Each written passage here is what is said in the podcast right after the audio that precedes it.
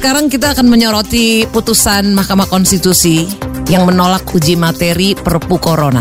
Bersama Charles Simabura SHMH, dosen hukum tata negara dan peneliti Pusat Studi Konstitusi Fakultas Hukum Universitas Andalas, Padang.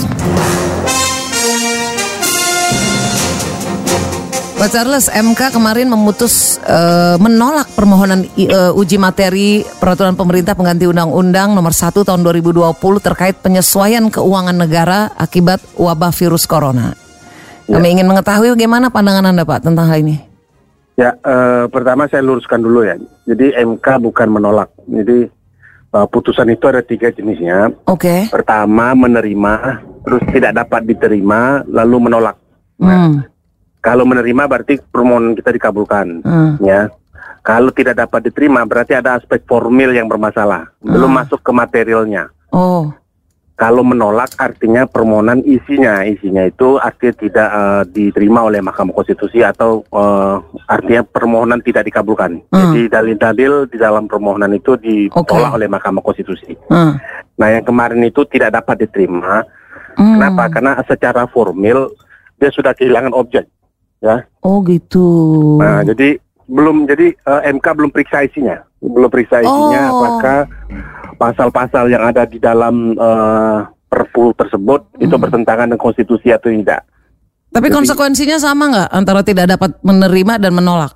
Beda, beda. Jadi kalau ini kan uh, yang jadi tidak dapat diterima itu kan secara formil kenapa dia kehilangan objek karena dia sudah berubah menjadi undang-undang. Oh gitu. Nah, jadi uh, objeknya sudah tidak ada lagi. Jadi karena dia, dia sudah menjadi undang-undang, menjadi objeknya itu sudah tidak ada lagi. Jadi sekarang kan dia sudah. Artinya gimana Pak? Artinya gimana Pak Charles berarti? Artinya, nah, artinya apa? Kalau dia tidak dapat apa tidak dapat diterima karena objeknya hilang, hmm. ya, dia sudah menjadi undang-undang, maka hmm. dapat diajukan kembali. Oh. Pengujian itu terhadap undang-undangnya. Hmm. Nah, jadi sekarang ya sebenarnya sederhana saja masukin lagi permohonan tukar nomor perpunya menjadi nomor undang-undang begitu. Oh begitu, berarti Itu masih ada harapan bagi yang uh, masih ada harapan. Hmm. kalau yang di kalau yang ditolak berarti isinya memang isinya yang, ber, yang kemudian uh, hmm. tidak dikabulkan. Misalnya bahwa pasal-pasal contoh pasal 27 dianggap bertentangan dengan konstitusi misalnya. Hmm. Nah, dalil itu kemudian ditolak MK dianggap tidak bertentangan. Itu baru namanya ditolak. Hmm. Jadi MK kemarin belum belum masuk ke isinya itu oh. masuk ke material. Jadi dia ada dua formil dan material. Nah, secara okay. formil, kalau syarat-syarat formil tidak terpenuhi, sama seperti Perpu KPK waktu itu, mm -hmm. di mana kemudian nomornya salah, ya. Mm. Nah, waktu itu kan. Kalau ini aspek yang bermasalah apa, Pak Charles? Karena objeknya sudah berubah menjadi undang-undang. Objeknya tuh yang diaju, yang dimintakan untuk diuji itu ya? Iya, hmm. karena perpunya, perpu itu, perpu 1 2020 itu sudah berubah menjadi undang-undang, sudah diundangkan. Maka nggak ya mungkin kan? lagi. Oh. Nah, karena sehingga dia tidak tidak bisa lagi diajukan. Jadi kalau mau mengajukan lagi, kita harus masukkan permohonan baru. Nah, kalau nggak salah kan permohonan baru juga sudah masuk ya kata saya. Berarti undang-undangnya. Untuk permohonan baru berarti terkait masalah undang-undang, bukan perpu lagi ya? Bukan. Hmm. Isinya, isinya okay. tetap. Ya, isinya okay. tetap perpu itu. Jadi hmm uh, sekedar uh, pengetahuan saja, per, apa undang-undang itu cuma dua pasal dia, ya. Hmm. Satu dia mengatakan keberlakuan Perpu, dua mengatakan uh, kapan dia berla mulai berlakunya. Hmm. Nah, lampirannya, lampiran undang-undang itu undang-undang 2 2020 kalau salah saya. Eh, hmm. 1 2020 ya kalau lupa Undang-undang satu, satu, eh, satu, 2020, 2020, ya. Hmm. Satu 2020. Nah, Oh ya, yang 2 2020 itu kalau nggak salah Minerba. Hmm. Kalau jadi lampirannya itu berisi perpunya. Jadi begitu kalau formatnya. Oh, undang-undang hanya dua, satu. Ya. Uh... Undang-undang satu 2020 tentang penetapan perpu itu, uh-uh. perpu satu 2020. Ada itu, dua pasal. Hanya dua pasal, uh satu tentang pemberlakuan, lalu kapan dia boleh berlaku. Uh-uh. Nah, lampirannya itu berisi bulat-bulat isi perpu dari uh, satu 2020. Nah. Hmm. Kemarin yang ditolak itu adalah permohonan terhadap perpunya sehingga karena dia sudah menjadi undang-undang.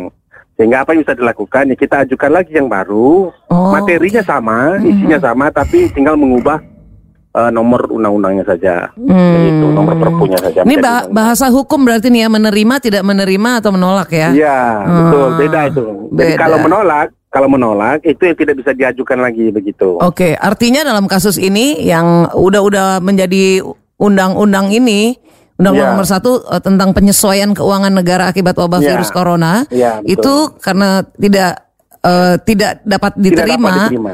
maka masih bisa diajukan Ajukan. kembali. Jadi tinggal diperbaiki yang formulnya. Sama dulu seperti Perpu KPK ya.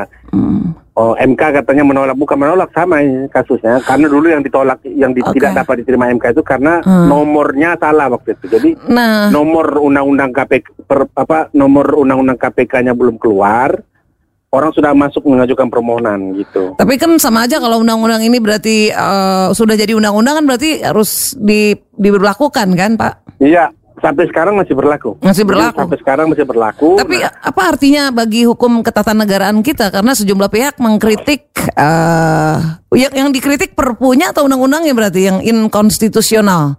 isinya, I, isinya. isi berarti isi undang-undangnya tadi ya. yang kita diskusikan pada waktu yang lalu. Jadi isinya, Isinya. pasal-pasal yang kemudian misalnya pasal tentang eh, apa namanya defisit sampai melebihi tiga persen. Iya iya ya, persis. Isinya itu yang dianggap inkonstitusional Iya isinya. dan eh, pemerintah seolah me- menumpulkan fungsi DPR di sini. Ini Betul. berarti ada ke apa namanya hukum ketatanegaraan kita agak ter eh, ternoda dong atau gimana? Iya, jadi ada penyimpangan-penyimpangan terhadap eh, beberapa materi hukum yang ada di dalam eh, undang-undang apa perpu. Ini pernah Nah, kita itu bahas ya. ya. Hmm. Iya, itu yang diujikan. Nah, Hmm. makanya kemudian apa implikasinya ya? Implikasinya kan begini, begitu perpu itu ini diberlakukan, dia kan menjadi undang-undang, dia akan berlaku terus ya. Hmm. Nah, kalau ini tidak dihentikan, kalau tidak dikoreksi oleh Mahkamah Konstitusi misalnya, ya Hmm. perpu ini akan berlaku terus. Misalnya eh, defisit itu melebihi tiga persen akan sampai di 2022 misalnya. Hmm.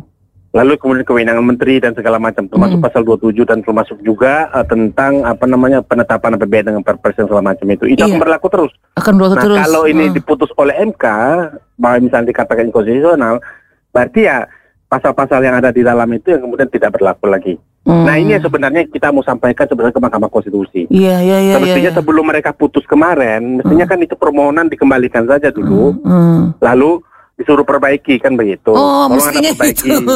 Ini malah tidak itu. menerima aja karena masalah. Iya. Hmm. Jadi ini kan apa ya belibet jadinya kan? Iya. Jadi apa kalau orang Jawa bilang bulat ya. Makanya Jadi kita muter-muter gitu aw- awam membacanya oh, MK menolak betul, ya kan. Betul. Hmm. Makanya kemudian seolah-olah ini kan dikembalikan dulu, suruh perbaiki, ya kan? Nanti masukin lagi gitu. Nah kalau ini kan enggak, Mm-mm. Nah, Anda tidak dapat terima. Nah lalu harus susun permohonan baru lagi kan begitu ya. Padahal Kalau- permohonan hmm. baru itu nanti isinya sama saja, cuma merubah nomor saja. gitu. Padahal ya isinya sama aja kan yang tadi Sama. yang diuji kan pasal 27 tadi memberikan Dalil-dalilnya imunitas. sama, Hmm. sama, dalil-dalilnya sama. Nah, Ah, itu kemudian oke. nanti akhirnya kan diperiksa lagi, mulai lagi dari awal begitu loh, ah. pendahuluan lagi dan segala macam. Jadi ini yang sebenarnya agak merepotkan. Semestinya waktu ini waktu itu kita menyap, ini ya waktu dia keluar nomornya itu kan mestinya MK segera menyurati eh, para pihak karena ini sudah jadi undang-undang, tolong anda perbaiki permohonan anda, perbaiki yang bagian eh, apa namanya objeknya kan begitu. Kalau isinya sudah sama seperti itu, Hmm. ini akan seperti itu jadinya begitu. Masalah juga ya salah nomor salah objek iya, ya.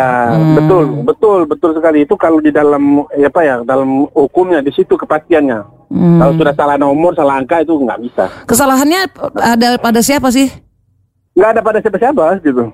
Jadi eh, ini kan proses yang amat alamiah sih. Memang eh, resiko kita mengajukan pengujian perpu itu di situ karena dia terbatas durasi waktu. Oh gitu. Jadi durasi waktunya itu apa? Jadi sebenarnya kan eh, baik MK maupun pemohon sebenarnya kan berkejaran dengan waktu. Apa berkejaran dengan waktu terhadap materinya? Hmm. mereka sama-sama menunggu atau kemudian eh, apa me- mengisi ruang Hmm.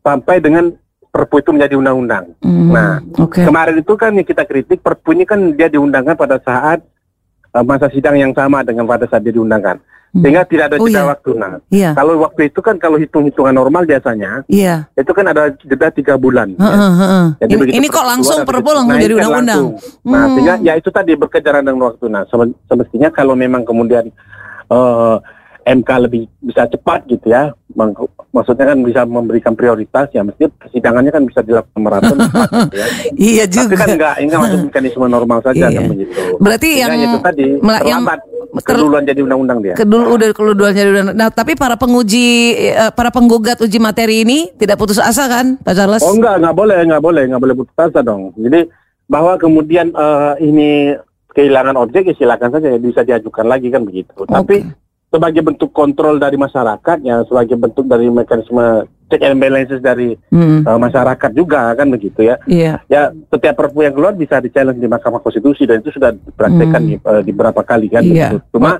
Mhm. kelemahannya itu saja begitu dia jadi undang-undang ya terpaksa dia harus dimajukan baru gitu. Hmm, Itu baiklah. risikonya. Berarti kita menantikan ya kalau misalkan kalau Iya. kita- kalau dibiarkan tadi Iya. konsekuensinya bahaya dalam tata negara Iya, kita iya, ya. betul. Hmm, Ya, baik jadi baik. legal dia begitu. Mm-mm. Makanya harus diajukan lagi, masukin lagi. Oh, apalagi isinya kan memberikan imunitas aparat pemerintahan dari Betul. tuntutan perdata dan pidana saat melaksanakan Betul, aturan ini kan berarti Betul, proses mengawal pemerintah jadi eh, agak kurang Iya, nih karena ya. DPR sudah setuju. Jadi kan kita berharap ke DPR yang ngontrol perpu kan. Ternyata DPR sudah setuju kan. Maka itu Kalau kemarin itu hanya keinginan presiden, sekarang sudah setuju oleh DPR. Nah, pertanyaannya kan siapa yang mengontrol? Itu tadi Iya. mekanismenya kita harus lakukan judicial review.